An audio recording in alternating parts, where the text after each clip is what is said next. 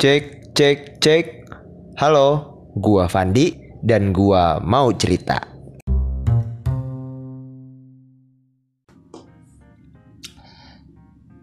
Gua harus bikin pembukaan juga gak sih kayak eh lu semuanya selamat datang di episode sekian gitu. Perlu gak sih kayak gitu? Kan udah cukup dengan pembukaan gue di awal dong kan yang teng deteng. Halo, gue Fandi dan gua mau cerita. Ya itu menurut gue cukup. Tapi ya nggak apa-apa lah. Uh, walaupun nggak pakai template ya gue ucapkan tetap selamat datang di episode berapa ini? 12 ya. 12 di podcast keluhan. Podcast di mana gue mengeluhkan apa yang gue mau keluhkan dan sebagai media tempat gue berkeluh karena gue nggak mau mengeluhkannya di media lain. Karena media lain bersifat tertulis dan gue maunya direkam aja langsung secara spontan itu mungkin template gue bangsa Anjir udah episode 12 ya. Dan di episode 12 ini tenang gue belum berpikiran buat uh, memonetisasi podcast gue walaupun gue udah mulai berpikir anjir gabut banget ya. Ngasih apply sana sini belum dapat balasan atau mungkin udah ditolak tapi emang cara nolaknya ya agak dibales sih. Gue nggak tahu ya tapi semoga belum dibales aja sih gue nggak tahu gue mau ngapain. Terus gue berpikir apa sih yang bisa gue kembangkan dari diri gue gue tahu sebenarnya ada ada hal yang lain tapi yang udah pernah gue mulai dan udah gue mulai ya podcast. Terus gue mulai berpikir apakah gue harus memonetisasi podcast gue kalau di episode ntar kesekian misalnya episode ke 20 21 gue belum eh gue belum. Tiba-tiba ada iklan anchornya udah fix berarti sampai episode 20 gue belum dapat kerja berarti. Aduh. Tapi btw gue mulai mikir uh, ini episode 12 kan udah lumayan ya angkanya udah ada dua digit. Uh, apakah gue harus pakai sistem season kayak podcast podcast lain aja gue nggak ngerti kenapa podcast lain atau apa ya segmen ya kayak gini lah podcast. Dibikin season gitu ya. Kalau film oke okay lah. Uh, dibikin season selanjutnya karena mungkin walaupun masih satu plot cerita tapi dibikin tanggal rilisnya jauh berbeda dari season sebelumnya gitu. Misalnya season 1 tahun ini season 2 tahun depan atau enam bulan ke depan itu oke okay lah. Makanya dibikin yang namanya season. Tapi kalau untuk podcast season sekarang sama season depan apa bedanya men? Terus kenapa lu namain season bangsat? Aduh. Kayaknya dibuat season itu sebenarnya uh, biar episodenya kesannya nggak banyak aja gitu. Misalnya gue udah nyampe episode 50 kayak kan anjir 50 mau kayak cinta Fitri loh. Bahkan cinta Fitri aja udah dibikin season masih banyak episode bang. Kayak gimana nggak dibikin season udah 5000 bang. Nggak nggak lo baik ya udah seribu. Iya seribu masih. Nggak tahu gue nggak pernah riset. Dan buat apa ya? Iya buat apa season di podcast? Terus uh, mereka iya sih mencoba mengecilkan angka biar kesannya nggak terlalu banyak. Itu juga yang dilakukan sama nama-nama uh, HP mungkin di S1, S2, S3 sampai S9, S10 kayaknya kalau udah S11 ribet juga. Ya kita langsung lompat aja 10 langsung S20 gitu kan. Apa podcast harus dibikin kayak gitu juga? Ini gue udah 11 eh, gue 12 ngapain ya? Harusnya gue berarti sekarang podcast 30 CL lah. Nggak, nggak kayak HP nggak lucu lagi bangke ya kayak gitulah uh, udah 4 menit sendiri bahas season doang bangke bangke. Btw gue mau gue tuh abis gue ada cerita-cerita banyak banget. Ya nggak banyak sih tapi mungkin agak panjang. Jadi kemarin tuh beberapa hari lalu gue habis benerin HP gue kan. Nah di perjalanan ngebetulin HP gue ini btw HP gue udah di dibetulin yang ke empat kalinya tiga kali servis biasa satu kali garansi. Apa empat kali servis biasa? Satu kali garansi gue lupa lima apa empat kali gitu. Ibu udah banyak banget kan anjing malu-maluin banget. Gue gak mau move on aja mau kayak gue karena ukurannya yang menyenangkan buat gue gue gak suka yang terlalu gede. Oke okay, anyway. Terus gue lanjut kan. Gue lagi di perjalanan menuju servis HP dan gue realize satu hal. Lu pernah gak sih lewat uh, jalanan yang di jalanan itu selalu ada orang minta sumbangan pakai jaring. Biasanya sih masjid ya. Biasanya masjid. Nah lu kan mik pernah mikir gak kenapa itu pas lu lewatin jalan situ selalu ada tuh tukang minta sumbangan? Setelah padahal lu udah lewat tuh jalan udah ya tiap hari tiga tahun gitu. Misalnya tiga tahun selalu lihat orang minta sumbangan masjid mikir gak sih? Itu anjir proyek masjidnya nggak selesai selesai bagaimana bang?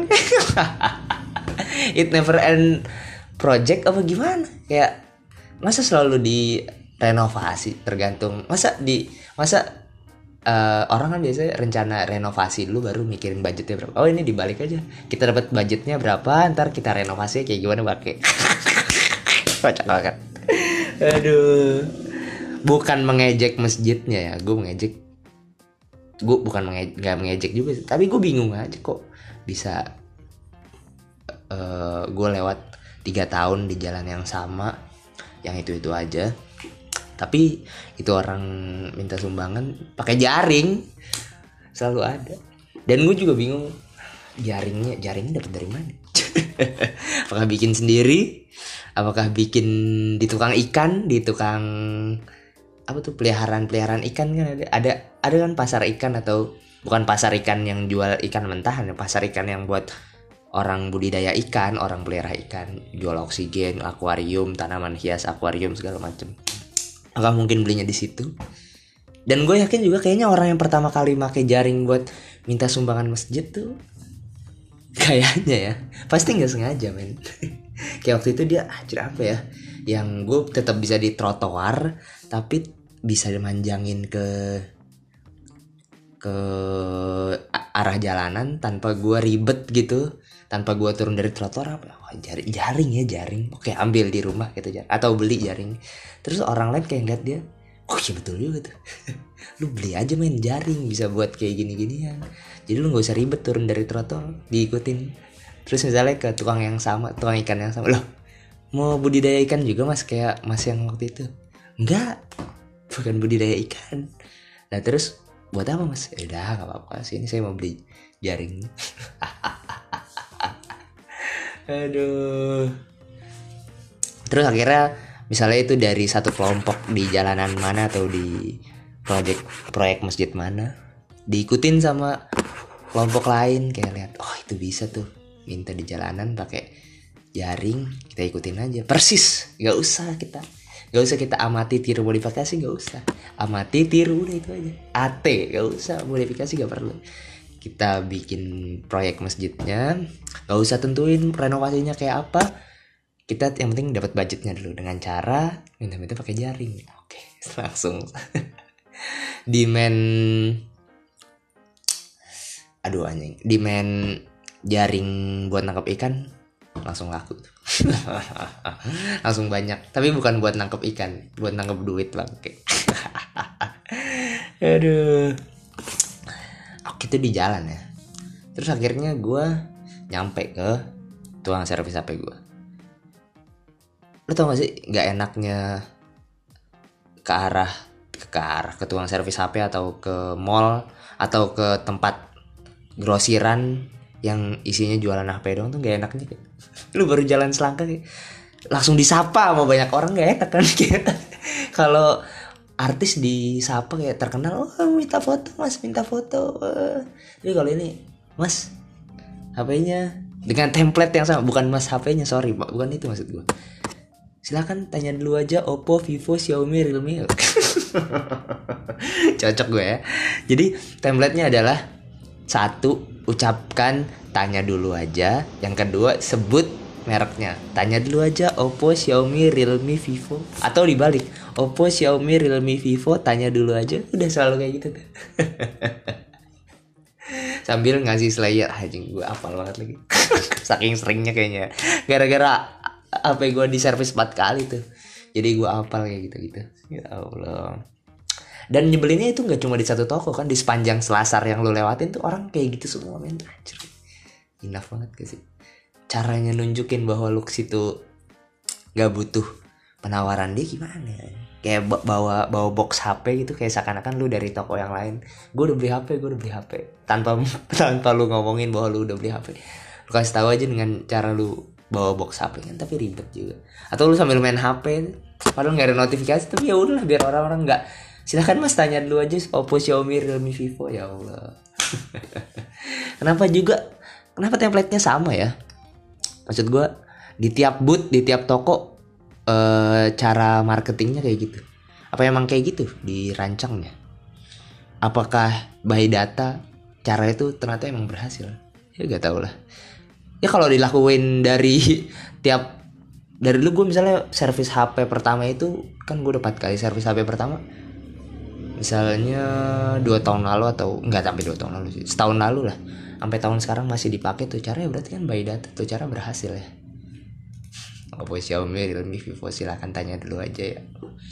Dan yang gak enaknya ketika gua servis HP adalah dinunggunya men. Lu kalau nunggu lu kalau kegiatan menunggu yang lain misalnya lu nunggu kereta datang di stasiun itu kan cara menghibur diri lu atau cara membuat lu nggak gabut-gabut amat adalah mainin HP lu kan ya apa pun lah di dalam HP lu bisa scrolling sosmed atau denger lagu denger podcast main game or something like that. Nah kalau kalau HP lu dibenerin terus lu nunggu HP di lu dibenerin lu mau ngapain? Lu mau nunggunya gimana? Ya cara satu-satunya adalah ngajak ngobrol abang-abangnya ngajak ngobrol tukang servis. Itu kalau yang servis lu doang kalau rame.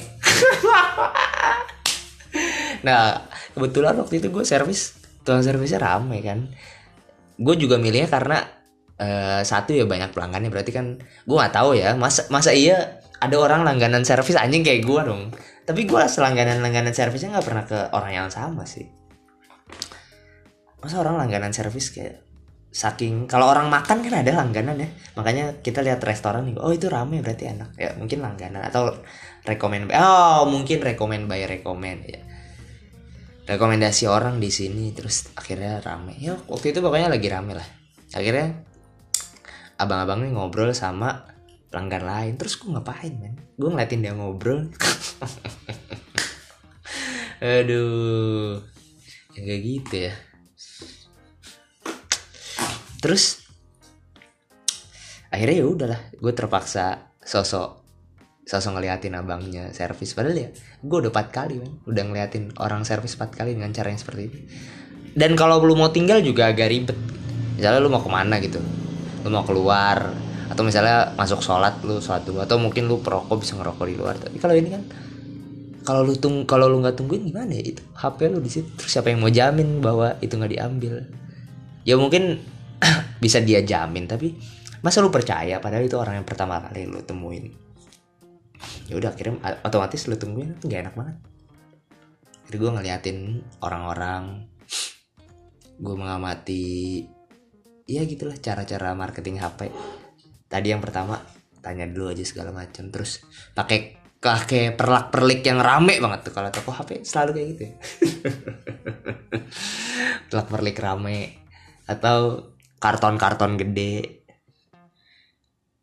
tokonya terang terus kebanyakan tuh eh yang enggak yang masang masang apa ya namanya ya? papan nama tokonya gak sih? Iya gak sih? Namanya itu gak sih? Biasanya tuh nama tokonya kecil yang gede tulisan Oppo Vivo nya aduh bangke banget. Oppo Oppo Oppo Oppo terus nama tokonya kecil di kanan sama alamat tokonya.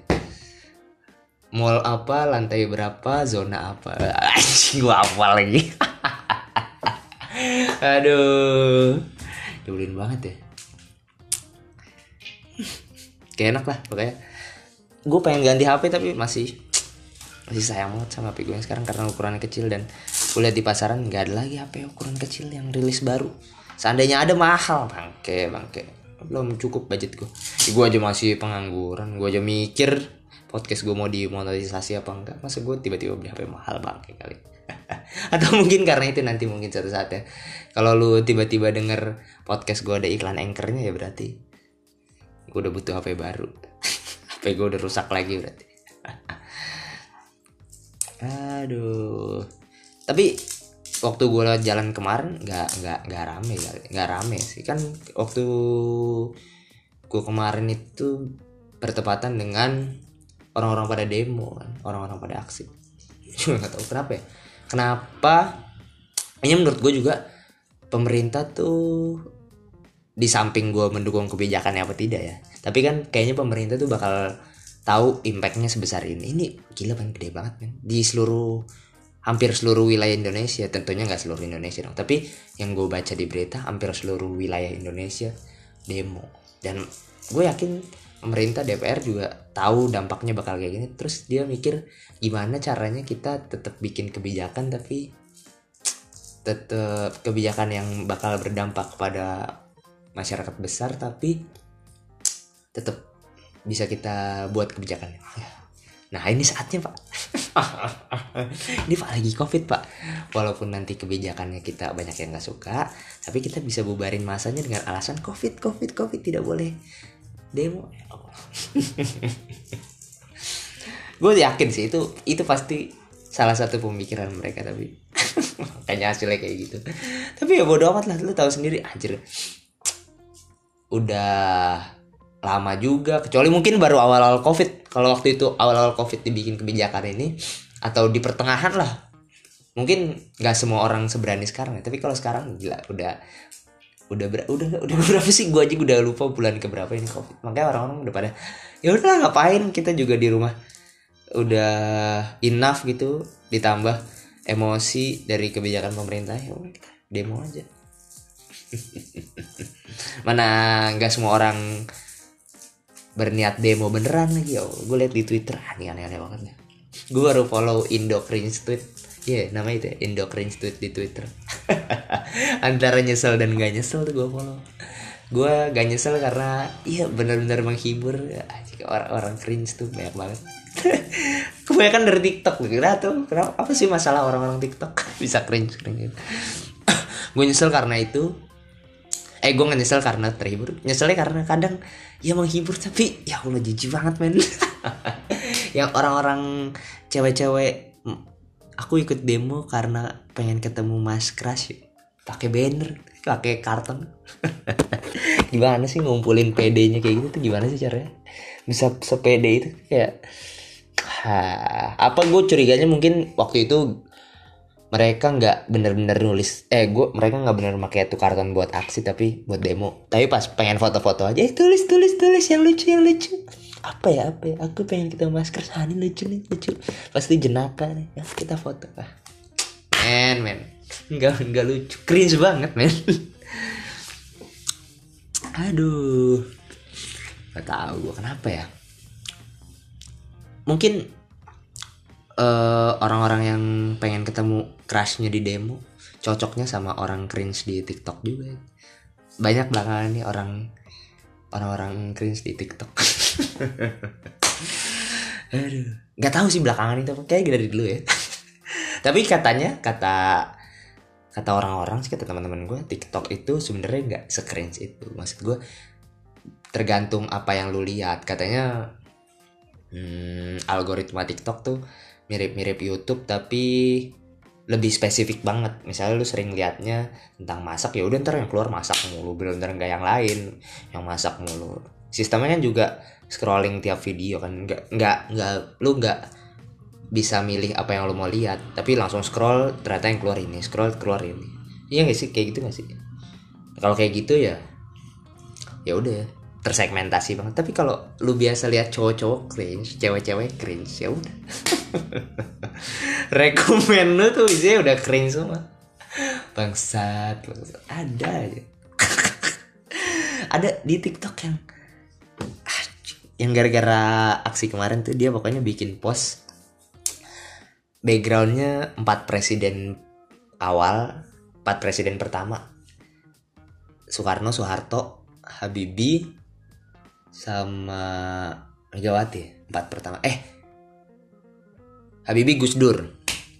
Nah terus uh, posannya videonya ada cewek nangis nangis dengan caption Pak kami pengen negara ini Bapak pimpin lagi. Kami merindukan pimpinan dari Bapak. Terus sambil nangis nangis kok bisa pede ya? orang kok bisa melihat dirinya nangis di video itu bisa gimana sih bisa melihat dirinya nangis di video itu bisa gimana caranya ah, aneh banget sih. Kenapa sih TikTok aneh banget terus gimana juga?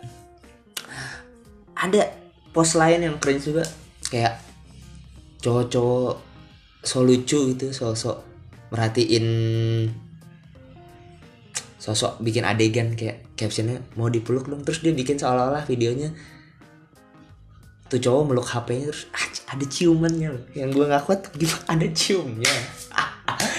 Yang gue bingung adalah ini orang pas buat ini mikir lu apa enggak nih mikir lu anjing ini cringe ya ini ini lucu apa cringe ya jatuhnya ini lucu gak sih? Kalau dia mikir kayak gitu dulu terus akhirnya dia lanjutin please man pikiran lu yang pertama bahwa lu cringe itu bener jangan percaya bahwa itu lucu udah jangan pede bahwa afirmasi dari otak lu enggak enggak ini lucu ini lucu. Enggak enggak lucu sama sekali cringe. Balik lagi aja ke waktu sebelum lu post udah lu delete jangan ada itu. Tapi kalau misalnya lu gak pikir lu mau ngepost apa enggak pas lu baru lihat eh kak mau dipeluk dong. Terus lu langsung "Hmm, kayaknya gue bisa dibikin video peluk. Eh video peluk orang. Tanpa lu mikir dulu wah tuh otak lu udah masalah sih. Gimana lu bisa dapet PD-nya gitu? Kayak lu lihat muka lu sendiri sok-sok imut terus alah sih boy boy. Gak ngerti gue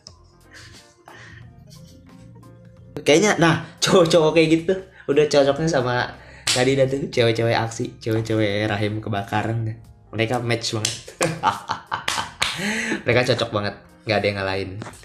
Udah perfectly match. Aduh. Gila. Gue ngomong kayak gini udah lama nggak sepanjang ini udah 21 menit. Udah 22 menit nih. Udah sih. Kayaknya itu doang yang gue mau ceritain oke kasih semuanya. Gila gue bilang makasih. Jarang banget. Sampai jumpa di episode berikutnya. Semoga nggak ada monetisasinya. Amin. Berarti gue dapat kerja. Amin. Kasih apa sih penutupan gue biasanya? Anjing gue sampai lupa lagi. Ya bye bye yoi